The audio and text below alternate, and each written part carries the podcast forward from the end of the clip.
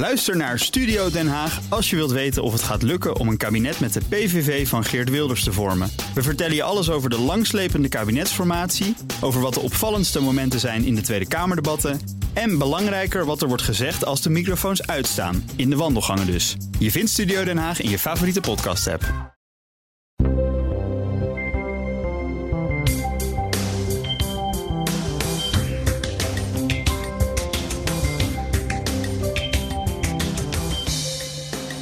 Een collega zit tegenover mij, onderuitgezakt, scheef op zijn stoel, kijkt naar de grond en speelt met een paperclip. Wat een afknapper, echt niet oké. Hij kan op zijn minst een beetje rechtop zitten, misschien doen alsof hij naar mijn verhaal luistert. Nou, is dit een herkenbaar beeld dat je op basis van iemands lichaamstaal meteen een oordeel vormt? Je luistert naar Woordwaarde en deze zesde editie gaat over wat wij zeggen met ons lijf.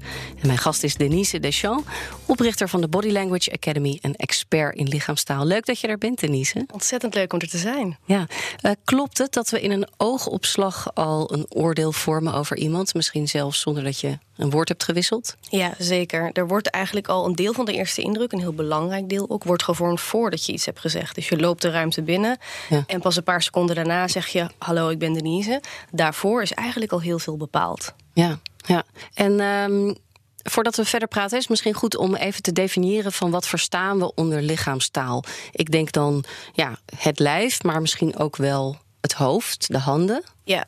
ja, eigenlijk kan je zeggen dat non-verbale communicatie is de hoofdcategorie. Mm En daaronder heb je lichaamstaal. Nou, voor veel mensen is dat echt het lijf, inderdaad. En dan heb je nog het gezicht, waarin je bijvoorbeeld micro-expressies hebt. Mm -hmm. en je hebt een stukje wat uh, de stemtaal is. Dat is ook nog uh, non-verbaal. Oh ja? Ja, het verbale is eigenlijk alleen de woorden die we gebruiken. Dus wat je op zou kunnen schrijven, dat is het verbale. Oké, okay, dus zelfs stemgebruik uh, reken je tot lichaamstaal of, of non-verbaal? Exact. Ja, het is non-verbale communicatie, niet woordelijke communicatie. Ja. Dus of ik hard, zacht, pauzes, nou jij weet daar heel veel van. Ja. Uh, dat is allemaal niet woordelijk, maar mm -hmm. wel met de stem. Oké, okay, grappig. Hey, en uh, micro-expressie? Mm -hmm. uh, wat moet ik daaronder verstaan? Ja, dat zijn, uh, het is eigenlijk de meest fascinerende categorie in non-verbale communicatie, vind ik. Want mm -hmm. het zijn uh, hele korte spiertrekkingen in het gezicht. Die ja. maximaal een halve seconde volgens de wetenschap. Ja, heel kort. Ja. Um, en er zijn 27 spiertrekkingen gedefinieerd. Die zijn te koppelen aan zeven emoties. 27? Ja, wow. spiertrekkingjes. Ja, maar er zijn zeven emoties, dus dat is nog redelijk overzichtelijk. Um, en als je zo'n spiertrekking ziet, dan wordt die emotie door die persoon gevoeld. Kijk, waarom en in welke mate moet je dan echt nog wel verder onderzoeken. Maar die emotie, die is er. En er is één manier om die micro-expressies te stoppen. En dat is botox. Ah. Maar dat betekent dus echt een spier verlammen. Maar anders zijn ze er eigenlijk altijd. Dus als jij iemand, als je voldoende emotie bij iemand oproept... Mm -hmm. Dan is die spiertrekking er. En dan kan je dat dus herkennen. En zo'n spiertrekking is een, uh, ja, je zegt hè, een halve seconde. Kun je zo'n voorbeeld geven? Ja, een simpele, om zo mm -hmm, in ieder geval ja. via geluid te doen, is het optrekken van de wenkbrauwen. We doen dat heel veel langer dan een halve seconde als conversatiesignaal. Dus ik laat zien dat ik herken wat jij zegt, dat ik luister. Ja. Als die heel kort is, een halve seconde, dan afhankelijk van hoe het wordt opgetrokken, is het bijvoorbeeld verrassing of angst. Oké. Okay. En dat zijn dan de hele korte. En frons is hetzelfde. Ik hoor heel vaak van mensen, ja, dan zit ik lekker te werken. En dan zeggen mensen, waarom kijk je zo boos? Mm -hmm. Maar dat is gewoon mijn concentratieblik. Dat ja. is eigenlijk het fronsen van de wenkbrauwen, dus het naar beneden brengen. En in de micro-expressie is de wenkbrauwen naar beneden brengen ook boosheid. Okay. Dus vandaar dat je brein heel snel zegt: hé, hey, deze persoon lijkt net boos. Ja. Terwijl dat niet zo is. Hey, we gaan straks nog wel wat langer praten over interpretatie inderdaad en de betekenis. De handen, moeten we die nog even apart benoemen? Ja, nou de handen vallen onder de lichaamstaal, maar zijn wel heel belangrijk. Ze hebben heel veel effect op je uitstraling, uh, maar ze geven ook heel veel informatie als je daarnaar kijkt. Dus ze zijn, ja. het is ook een van de makkelijkste dingen om te leren, want die micro-expressies zijn natuurlijk ja, redelijk complex en heel klein. Ja. Terwijl de handen, daar kan je vrij goed naar kijken. Dus dat is een, is een leuk onderdeel van lichaamstaal. Oké. Okay. Uh, die collega die ik net beschreef, hè, onderuit gezakt tijdens mijn presentatie, uh, naar de grond te staren, een beetje schouders hangend, er zat een paperclip te mollen. Ja ja, uh, deed hij dat expres? Lastig te zeggen of hij dat expres deed. Ehm, maar het is wel zo dat vaak dat soort signalen. Kijk, als er veel zijn, dan noemen we dat een cluster. Uh, dan kan je daar wel enigszins iets uit concluderen. Want die signalen komen nooit toevallig zomaar voor terwijl er niks aan de hand is. Nee. Wat heel vaak gebeurt is bijvoorbeeld uh, iemand luistert naar jouw presentatie, er is minder oogcontact. Oké, dus die persoon is niet geïnteresseerd. Dus dan op basis van één signaal, of armen over elkaar is gesloten. Bijvoorbeeld, ja, je bent het niet met mij eens, terwijl dat niet het geval is. Nou, in jouw voorbeeld hoor ik wel veel signalen. Ja. Het kan zijn dat hij jouw presentatie heel interessant vindt, maar moe is en afgeleid. Of met die paperclip probeert juist zijn concentratie te verhogen. Daar zijn ook heel veel onderzoeken naar gedaan, namelijk dat blijkt ook te werken. Um, dus het hoeft niet per se zo te zijn dat hij uh, niet luistert of het expres doet. Ja. Uh, dus mijn oordeel in die zin. Uh, ja, was, er, er was, het was wel een cluster van signalen die wel een bepaalde kant op gingen. Mm -hmm. um, maar waar ik eigenlijk natuurlijk naar op zoek ben, is uh, waar komt lichaamstaal vandaan? Ja. Waar, waar, ontstaat het? Kun je daar wat over vertellen? Ja, je hebt eigenlijk verschillende delen in je brein. En um, het deel van ons brein waar het meeste van de lichaamstaal vandaan komt, is het limbisch systeem. Nou, daar zitten onze emoties. En eigenlijk is onze lichaamstaal ook constant een vertaling van onze emoties en onze staat en motieven en een stukje persoonlijkheid. Mm -hmm. En daardoor is het ook moeilijker te beïnvloeden. Als je nu, voor iedereen ook die luistert, als je naar je voeten kijkt, als je ze even bevriest en niet beweegt, je hebt niet gekozen om ze zo neer te zetten. Dat ging gewoon zo. En zo geldt dat voor een heleboel in je lichaamstaal. Terwijl je woorden, op het moment dat jij je zin hebt bedacht, dan ga je hem pas uitspreken. Ja. Dus er zit heel veel tijd om selectief te zijn om daarover na te denken. En de lichaamstaal is in die zin dus veel oprechter dan onze woorden vaak zijn. Ja, is lichaamstaal altijd eerlijk?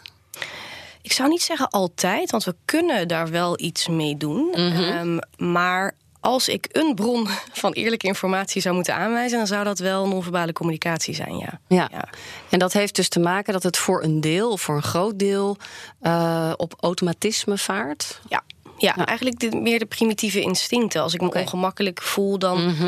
uh, heb ik de neiging om mijn lichaam te beschermen. Bijvoorbeeld mijn armen voor mijn buik te houden of mijn hals te bedekken. Omdat mijn brein op primitief niveau zegt van... oh, uh, ongemakkelijke situatie, dat is Mhm. mm -hmm. niet goed voor onze overleving. Dus bescherm jezelf. En, en je denkt daar niet over na van... oh, ik voel me ongemakkelijk, nu ga ik mijn hand daar leggen. Want zo denk je er niet over na. Dat nee. is heel primitief eigenlijk. Ja. Um, de wetenschap, hè, de kennis over lichaamstaal, die is nog vrij jong. Klopt dat? Ja, ik denk dat de. de of, ja, ja en nee. ligt eraan hoe je het ziet. Um, de, uh, de, de meest goede wetenschappelijke onderzoeken zijn rond 1966 zo uh, begonnen. Mm. Een hele bekende naam daar is ook Paul Ekman, die ook heel erg naar die micro-expressies onderzoek heeft gedaan. Um, dus ja, zo'n 50 jaar, zeg maar, is, dat nu, uh, is het nu onderzocht. Oké. Okay. Waar ik dan benieuwd naar ben, is hoe de wetenschap data verzamelt, uh, aan kennis komt en analyseert. Om op een gegeven moment te kunnen zeggen: ja, we hebben nu voldoende informatie om die lichaamstaal zo te duiden. Ja, dat verschilt heel erg per onderzoek wel. Als je bijvoorbeeld kijkt naar Paul Ekman, een heel interessant onderzoek heeft hij gedaan bij de voorstam. Nou, die stam was nog nooit in aanraking geweest met de westerse wereld of uh, andere stammen. En hij is daar gaan kijken hoe laten zij nou emotie zien? Hoe ziet dat er bij hun uit?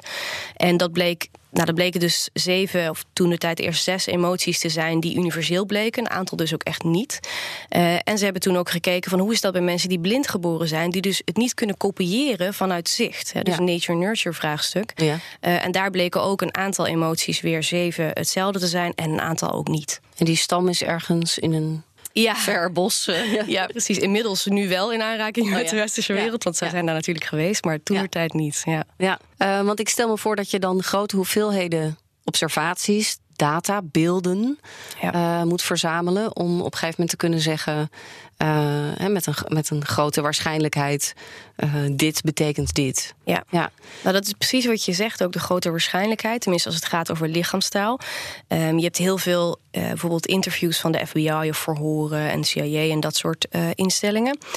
Daar hebben ze ook naar gekeken. En niet specifiek wel Ekman, maar andere onderzoekers. En gekeken wat nou als achteraf bleek dat mensen hadden gelogen. Ja. Welke dingen zag je dan in de lichaamstaal? En zien we die dan ook bij anderen? En zo hebben ze een aantal signalen ook gekozen waarvan ze zeiden...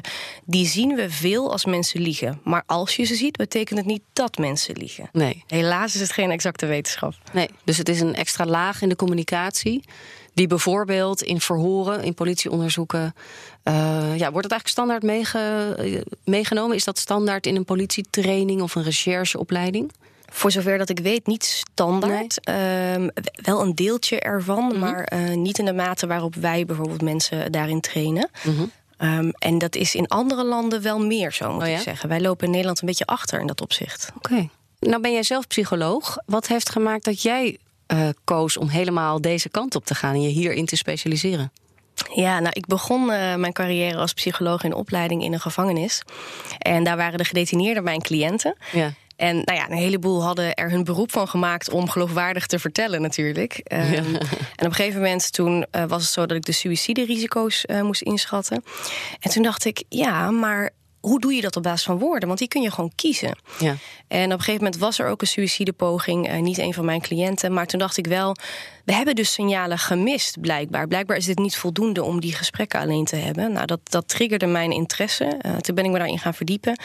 En een aantal jaar later, toen eh, werd vastgesteld dat ik ziek was, dat ik kanker had. Oeh. Toen kwam ik in het ziekenhuis terecht. En Ja. eh, daar heb ik heel veel tijd op bed gelegen. Ja. En er waren periodes dat ik zo moe was dat ik de gesprekken eigenlijk niet meer kon volgen. Dus de, ik hoorde wel geluid, maar ik kon daar geen betekenis aan ontlenen op dat moment, zo vermoeid. En ik weet nog een moment dat de arts binnenkwam met een co-assistent of eh, stagiair. En dat ik aan hun gezicht al zag, oh, er komt dit soort nieuws. En toen Ja. keek ik naar links en toen zag ik mijn familie. En toen dacht ik, oh, ik zie bij deze persoon dit, bij deze dit. Oh, maar die vindt dat niet leuk en die is verdrietig. Nou, die is nu al angstig. En toen besefte ik eigenlijk, ik heb die taal dus niet zo hard nodig als ik dacht. Want ik weet eigenlijk al wat de boodschap is. En ik weet de relaties onderling, de emotie, wie wat vindt. En, nou, en daarna toen ik aan het herstellen was, toen dacht ik... waarom weten we hier eigenlijk zo weinig over? Nou, toen heb ik besloten om eh, ontslag te nemen eh, van mijn huidige... of toen, eh, toen de tijd mijn baan. En eh, ja, besloten om daar echt in te specialiseren. En de Body Language Academy te starten. Wauw, ja. Ja. Dus door tegenslag en ziekte heb jij wel ja, die focus gevonden om je helemaal daarop te richten. Zeker, ja. Ja, ja. ja. Nou zou je grofweg kunnen zeggen dat eh, lichaamstaal vertelt ons dus veel. Eh, en het kan voor en tegen je werken. Eh, je had het net al over inderdaad, hè, in verhoren, dat er dingen opvallen. Nou heb je op mijn verzoek heb je een aantal fragmenten bestudeerd uit het interview van Prins Andrew met de BBC. Ja, hij dacht het is misschien een goed moment om wat openheid van zaken te geven. Hij lag al onder vuur vanwege zijn vriendschap met eh, Jeffrey Epstein, die in de gevangenis zelfmoord heeft gepleegd, Amerikaanse miljonair. En ehm, die Epstein die werd verdacht van ja, seksueel misbruik van minderjarige meisjes, eh, een mensenhandel ook. En er ligt eh, ook een, een harde beschuldiging aan het adres van eh, Prins Andrew. Nou, laten we eerst even naar een stukje luisteren. She was very specific about that night. She described dancing with you No. and you profusely sweating, and that she went on to have bath, There's a, there's a- possibly. there's a slight problem with with with with, with the sweating um, because uh, I, I, I have a peculiar medical condition, which is that I don't sweat, um, or I didn't sweat at the time, and that was oh actually yes, I didn't sweat at the time because I um, ha- had suffered what I would describe as an overdose of adrenaline in the Falklands War when I was shot at.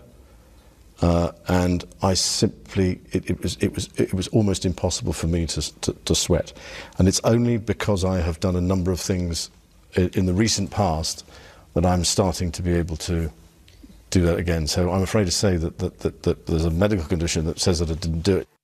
Ja, ik merk aan mezelf dat ik nog op dat haperen ben eh, gericht. Maar we, gaan, we focussen op de lichaamstaal. En zou jij eens ehm, eh, kunnen vertellen wat, eh, ja, wat je waarneemt, wat je ziet, of misschien zelfs wel wat je niet ziet? Ja.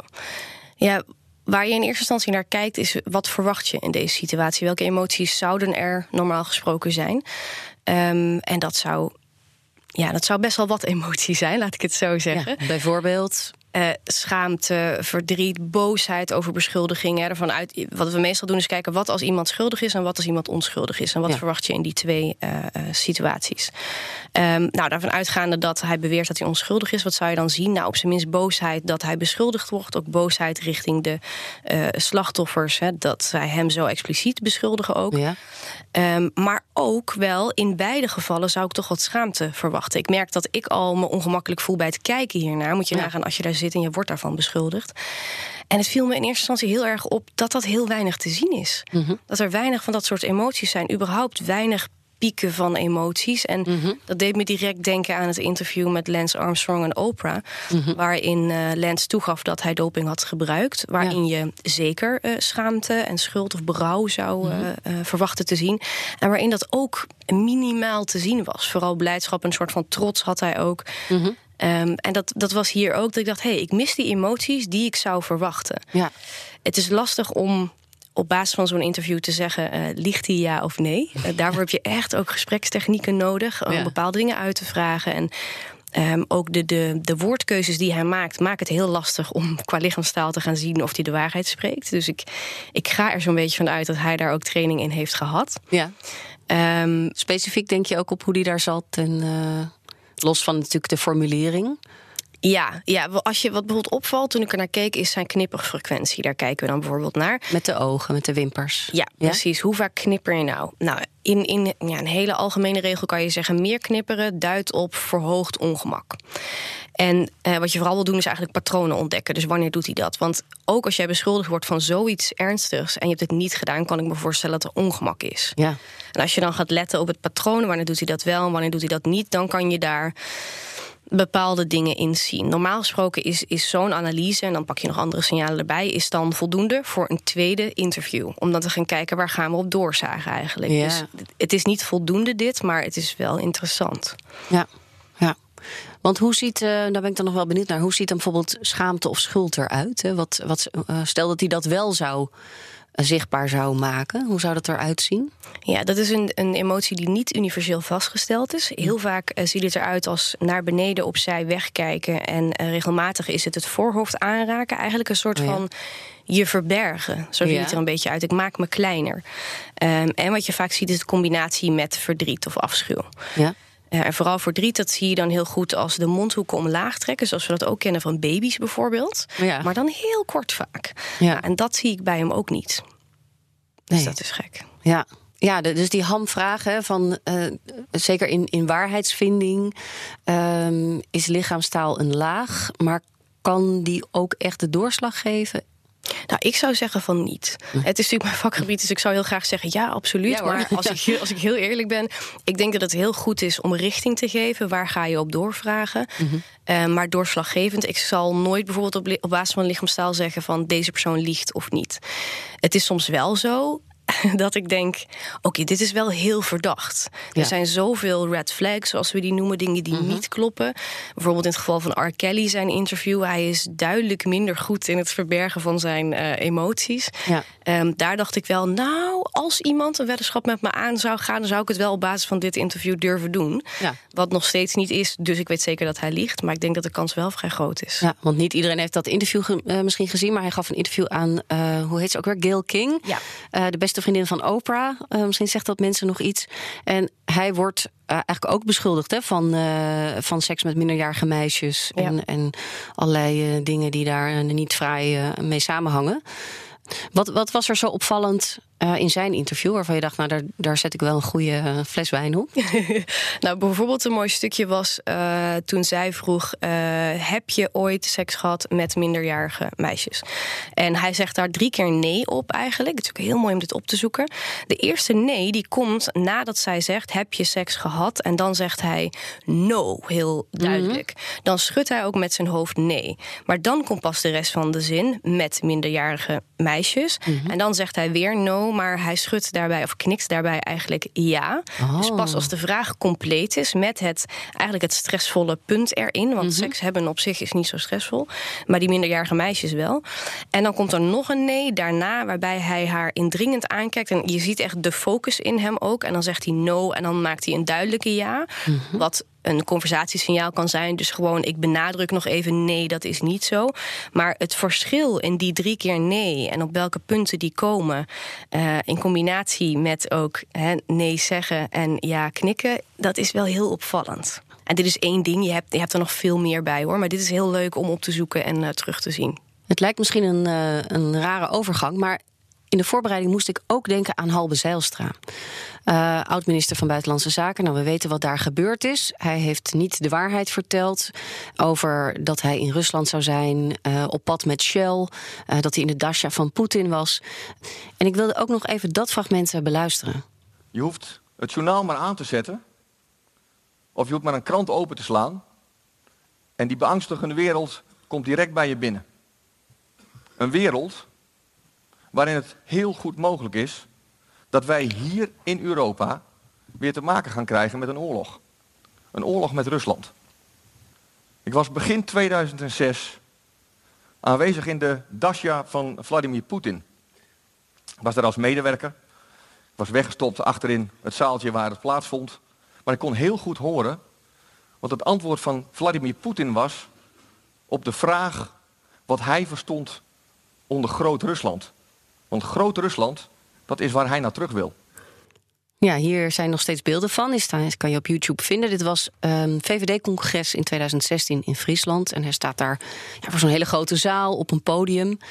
Uh, zelfverzekerd. Um, ja, er was een journalist van de Volkskrant, Natalie Wrighton, die in eerste instantie een portret van hem ging maken en zich ging verdiepen in zijn cv. En ja, die kreeg op een gegeven moment argwaan. En zij is degene die dit verhaal ook boven tafel heeft gekregen. Maar ik geloof dat op basis van die presentatie niemand echt argwaan had. Nee. Jij hebt ook die beelden bekeken. Dan, ja, dan, dat vind ik dus zo interessant. Van, was daar dan een aanwijzing? Mm Nou, dit is een, een lastigere case, omdat uh, hij presenteert er. En je hoort ook heel duidelijk in zijn stem dat dat voorbereid is. Het is geoefend. Uh, de dingen die hij zegt, tenminste vertelde hij daarna... dat dat een verhaal van iemand anders was, wat hij gebruikt heeft. Dat betekent dat er wel een vorm van herinnering is. Hij heeft dat niet zomaar uit de lucht verzonnen... maar hij heeft het een keer gehoord. Dat betekent dat als hij het vertelt... dat hij wel iets oproept uit zijn herinnering. Ja. En dat maakt het al iets lastiger om te zien of iets een leugen is, ja of nee. Dus het is makkelijker als ik nu aan jou iets vraag waar jij nu iets op moet verzinnen.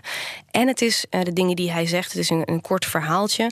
Het is uh, relatief makkelijk als je zo oppervlakkig blijft en dat mm -hmm. vaak oefent, ja. om dat overtuigend te kunnen vertellen. Als je door zou vragen, dan zou het waarschijnlijk wel goed te zien zijn. Ja. Wat zou je dan kunnen zien, denk je? Ook weer die knipperfrequentie of iets anders? Ja, ook, uh, dat zag ik bij Prins Andrew dan weer niet. Vaak is er veel zelfaanraking bij ongemak. En dat is vaak in het gezicht. Dus uh, wat we vaak doen als we iets horen wat we moeilijk vinden, gaan we bijvoorbeeld aan ons oor zitten. Oh. Eigenlijk een soort van het oor dicht houden. Ik vind dit ongemakkelijk om te horen. Mm -hmm. Hetzelfde zie je ook bij het oog. Ik vind het ongemakkelijk om te zien, bijvoorbeeld.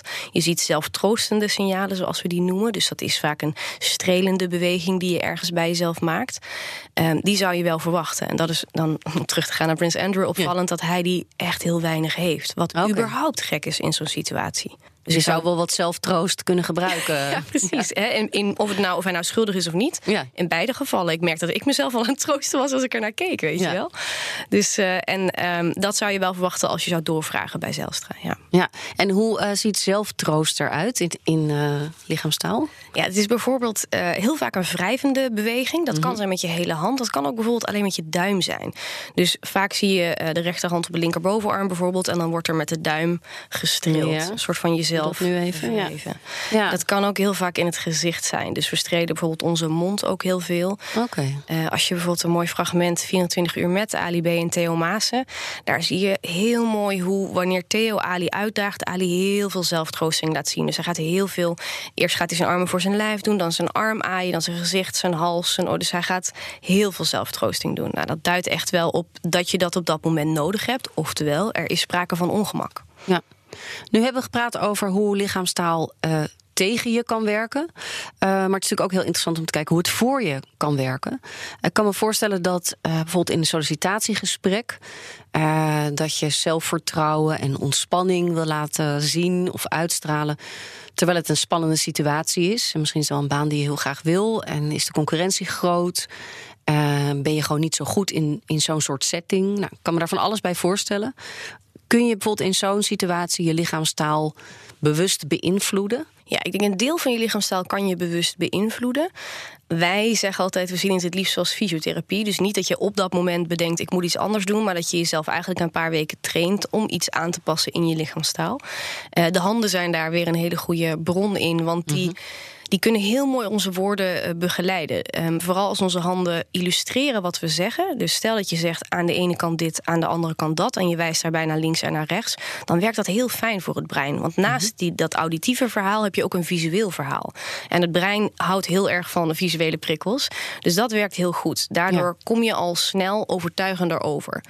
Een andere bijvoorbeeld met je handen die heel makkelijk is, maar heel duidelijk, is hoe je je hand houdt. Dus hou Ja. je je handpalm omhoog naar het plafond gericht of je handpalm omlaag naar beneden Ja. gericht. Heb je hem omhoog, dan laat je openheid, toegankelijkheid zien. Ja. Dus dat kan als je zegt: ehm, Ik vind het ontzettend leuk om hier te zijn. Of eh, nou, goh, wat ik zelf nog wel lastig vind. Of eh, stel me vooral vragen. Dan is dat heel mooi. Als je hem omdraait, dan kom je meteen sturender over. En als je hem dan ook nog op de tafel zou zetten, dus je vingertoppen raken de tafel aan, Mhm. dan is het non-verbaal alsof je zegt: Het is zo. Je laat Ja, niet meer je pols zien, niet meer je handpalm, waardoor je zegt eigenlijk: Er is geen openheid om te onderhandelen, te discussiëren. Ja. Dus stel dat ik wil zeggen, nou, ik ben heel goed in eh, analytisch nadenken over eh, projecten. En ik draai daarbij mijn hand om met de handpalm naar beneden. Dan zeg ik, het is echt zo. ja, met de vingers op het bureau dan een beetje zo tikken. Ja. Dat is Precies. op de ene manier toch al een beetje dwingend. Of, eh, Ja. En er zit, merk ik, van het is een beweging waarbij je spanning maakt. Hè? Je moet om die vingers zo in die positie te brengen. Het is niet heel los of Nee. slap. Of, Exact. Ja. ja. En dat Ja. is iets wat je ook in de natuur terugziet eigenlijk. Dat als in de natuur iets slap is, is het ontspannen. En is het, als het nog slapper is, misschien hè, niet zo krachtig Verdord. meer. Ja, verdord precies, uitgedroogd. Eh, en spanning is juist vaak het krachtig zijn. Het als een bloem, een boom die, die rechtop staat, is een goede bloem of boom. Nou, en dat vertalen we eigenlijk ook zo in de lichaamstaal. ja.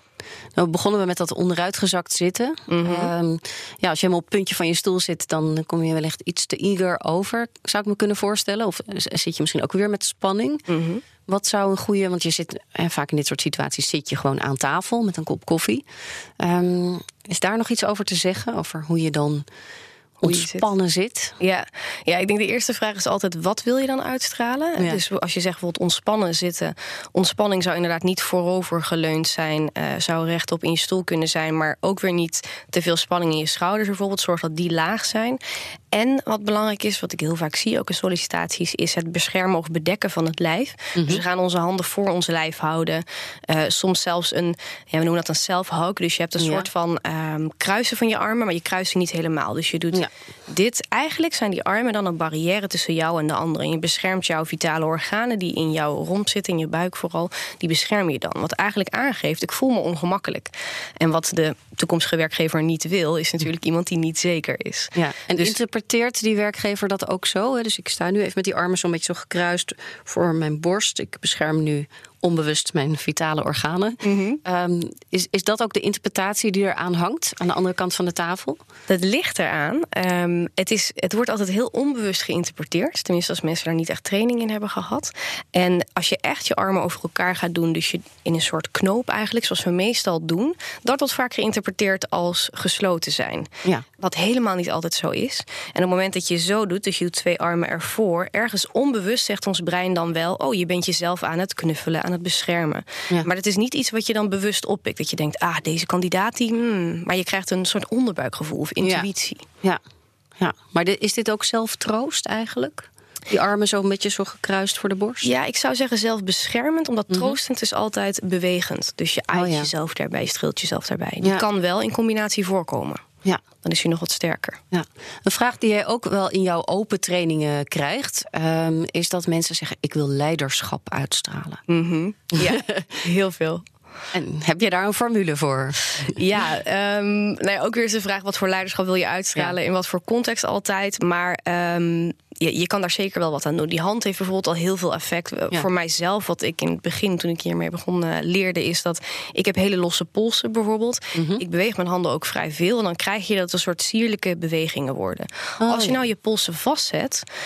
Dus je beweegt ze niet meer, maar verder precies hetzelfde. Dus je armen bewegen nog evenveel, maar je polsen gaan niet meer los. Dan komt het automatisch over alsof je meer in control bent en dus meer een leider bent. Ja. Dus ik merk ook dat ik dat inzet in situaties waarin ik denk: oké, ik moet even wat meer grip hebben op de groep of wat meer controle hebben, Mhm. leiderschap uitstralen. Dan werkt zoiets heel goed. Een ander ding wat heel veel mensen doen, eh, vooral vrouwen doen het heel veel, is Ja. eh, de stand van het hoofd. Ze houden hun hoofd heel vaak schuin. Ja. Daarmee laten we eigenlijk ehm, een soort betrokkenheid zien. Onze hals is een kwetsbaar gebied. En dan zeg ik van, hé, hey, ik luister naar jou. Jij mag leiding hebben jij bent in de lead. Nou ja, en als je leiderschap wil uitstralen, Mhm. ondanks dat het heel sympathiek overkomt en betrokken en aardig en zachtaardig ook, Mhm. straalt het geen leiderschap uit. Dus let op de stand van je hoofd en zorg dat die recht is. Net als een krachtige boom of bloem eigenlijk weer. Ja. En dan kom je meer als leider over. Ja, ik weet dat dit ook in, in presentatietraining wel tegen vrouwen wordt gezegd: van eh, hou je hoofd recht. Ja. En eh, waarvan ik soms ook denk: ja, god, eh, vrouwen bewegen misschien iets anders dan mannen. Ja. En is dat schuine hoofd, dat vind ik dan nog wel interessant. ehm, is dat nature of nurture? Is dat, hebben dat omdat onze moeder dat deed en onze oma?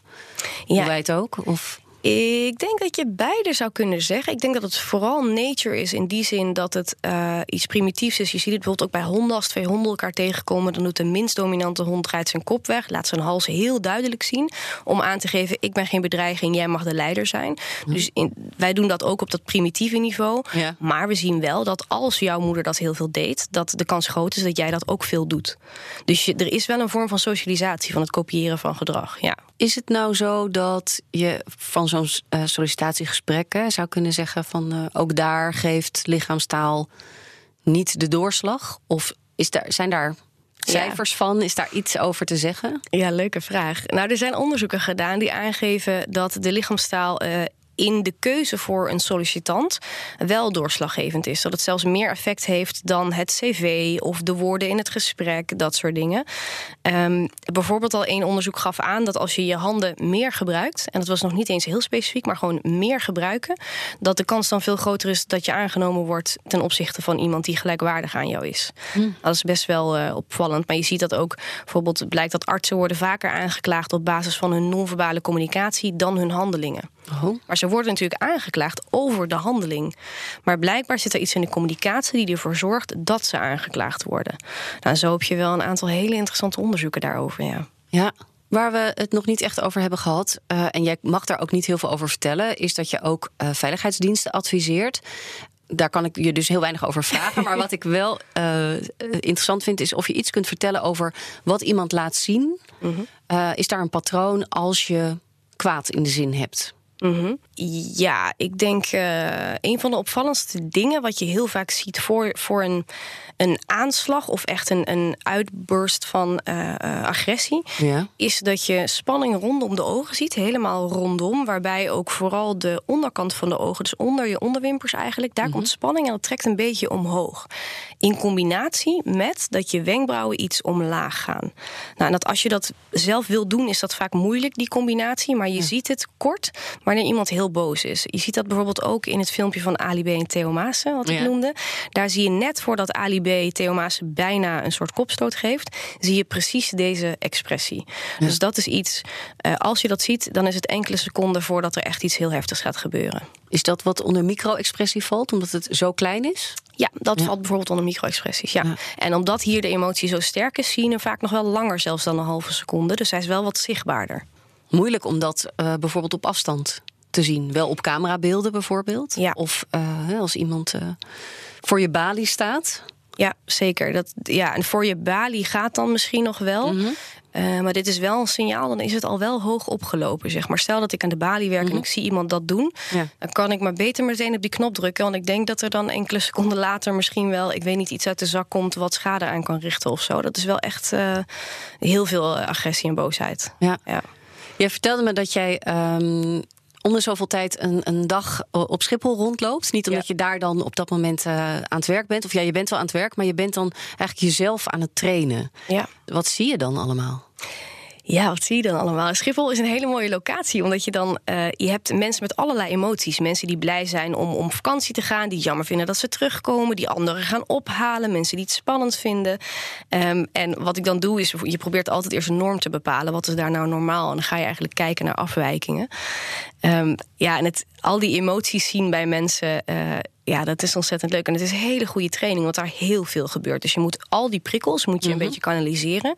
En kijken waar ga ik me nou op richten. Ja, dus voor je brein echt uitermate goede training. Ja. Ben je dan nog wel eens verbaasd of, of ontroerd door lichaamstaal? Ook als je er zoveel voor je werk mee bezig bent? Ja, zeker. Dat is ook waarom ik sommige dingen eh, bijvoorbeeld niet bekijk. Zoals bijvoorbeeld Michael Jackson heb ik nog steeds niet uh, bekeken, die case. Die, is dat die documentaire? Uh, ja. ja. ja. en ook vaak verhalen van slachtoffers vind ik lastig. Mm je kan je een beetje voorstellen dat ik alles keer tien zie, zeg maar. Ja. Dus soms raakt ja. het me dan ook meer. En ik kan het ook wel uitzetten, maar, maar niet altijd. Ik blijf toch ook wel een mens die, die wel dingen voelt. Dus um, ja, regelmatig kan ik het afsluiten, maar soms ook word ik wel overmand door emotie daardoor. Ja. ja. Dankjewel voor dit gesprek, uh, Denise Deschamps van de Body Language Academy. Um, de volgende woordwaarde die is in januari 2020 is het dan. Dan praat ik met Annette Klarenbeek. Zij is lector aan de Hogeschool Utrecht en adviseerde de politie bij enkele belangrijke moordonderzoeken over het belang van taalgebruik. Nou, ik hoop dat je dan ook weer luistert. Misschien is er wel een gast die je graag een keer in deze podcast zou willen horen. Stuur me dan een mailtje punch@bnr.nl.